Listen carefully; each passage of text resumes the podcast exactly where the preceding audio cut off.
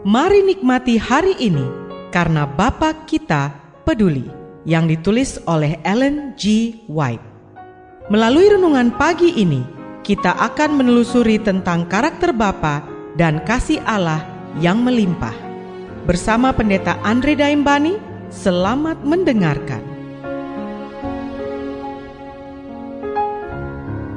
Shalom, selamat pagi saudaraku. Renungan pagi kita hari ini 5 Juli berjudul Rumah yang dapat diberkati Allah. Ayat intinya diambil dari Kejadian 18 ayat 19. Demikian firman Tuhan.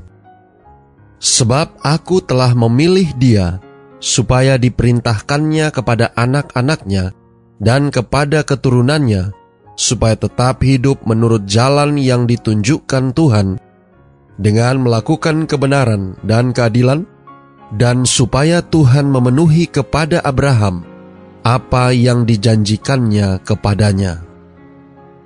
Mari kita dengarkan penjelasannya. Dalam pandangan Allah, seorang pria itu adalah apa adanya dia dalam keluarganya. Kehidupan Abraham, sahabat Allah, dicirikan dengan sikap yang amat taat pada perintah Tuhan. Ia membudayakan agama dalam rumah tangga. Rasa takut akan Allah memenuhi seisi rumah tangganya. Dia adalah imam dalam rumah tangganya. Ia memandang keluarganya sebagai kepercayaan kudus. Rumah tangganya berjumlah lebih dari seribu jiwa, dan ia mengarahkan mereka semua, para orang tua dan anak-anak, kepada penguasa ilahi. Ia tidak mengalami penindasan orang tua pada satu sisi atau pemberontakan anak di sisi lain. Oleh pengaruh terpadu dari kasih dan keadilan, ia memimpin rumah tangganya dalam takut akan Allah, dan Tuhan menjadi saksi atas kesetiaannya. Ia memerintahkan seisi rumahnya tidak akan ada kelalaian untuk mencegah kecenderungan jahat dari anak-anaknya. Tidak ada sifat pilih kasih, tidak ada pengorbanan keyakinan akan kewajibannya untuk menuntut kasih sayang yang salah. Abraham bukan saja memberikan petunjuk-petunjuk yang benar, namun ia mempertahankan otoritas hukum yang benar dan adil itu. Sungguh sedikit orang di zaman kita yang mengikuti teladan ini. Di pihak banyak orang tua, terdapat sikap satu perasaan yang buta dan mementingkan diri yang dinyatakan dengan cara membiarkan anak-anak dalam pertimbangan mereka yang belum matang dan hasrat yang belum berdisiplin untuk mengendalikan diri mereka menurut kemauan mereka sendiri. Ini adalah kekejaman terburuk bagi orang muda dan kesalahan besar bagi dunia. Kesalahan orang tua menyebabkan gangguan dalam keluarga dan masyarakat.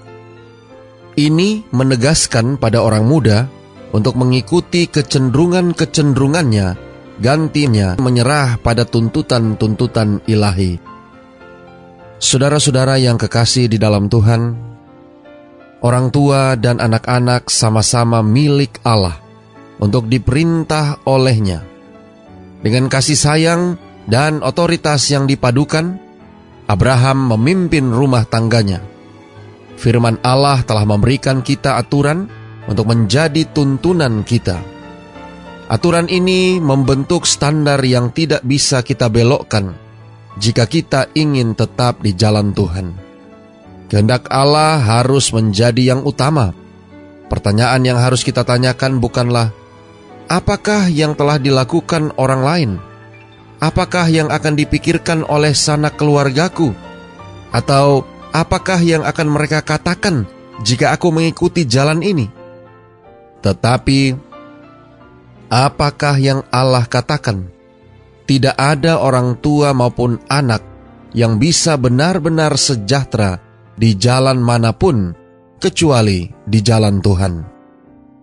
Doa kita hari ini Bapa terima kasih. Melalui renungan pagi ini, kami boleh mempelajari satu topik yang penting, bagaimana rumah dapat diberkati oleh Allah.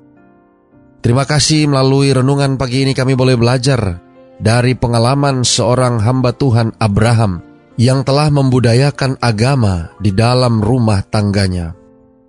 Tolong kami hari ini Bapa, biarlah dengan pertolongan kuasa roh kudusmu akan menolong masing-masing kami untuk memiliki sikap hormat dan takut akan Tuhan, sehingga kami dapat memperoleh berkat. Terima kasih Bapa. Inilah doa dan permohonan kami kepadamu. Di dalam nama Yesus kami berdoa. Amin. Bagi saudara yang ingin mempelajari pembahasan ini lebih dalam, saudara dapat menghubungi kami melalui WhatsApp di nomor 08111 62662 Selamat beraktivitas, Tuhan memberkati.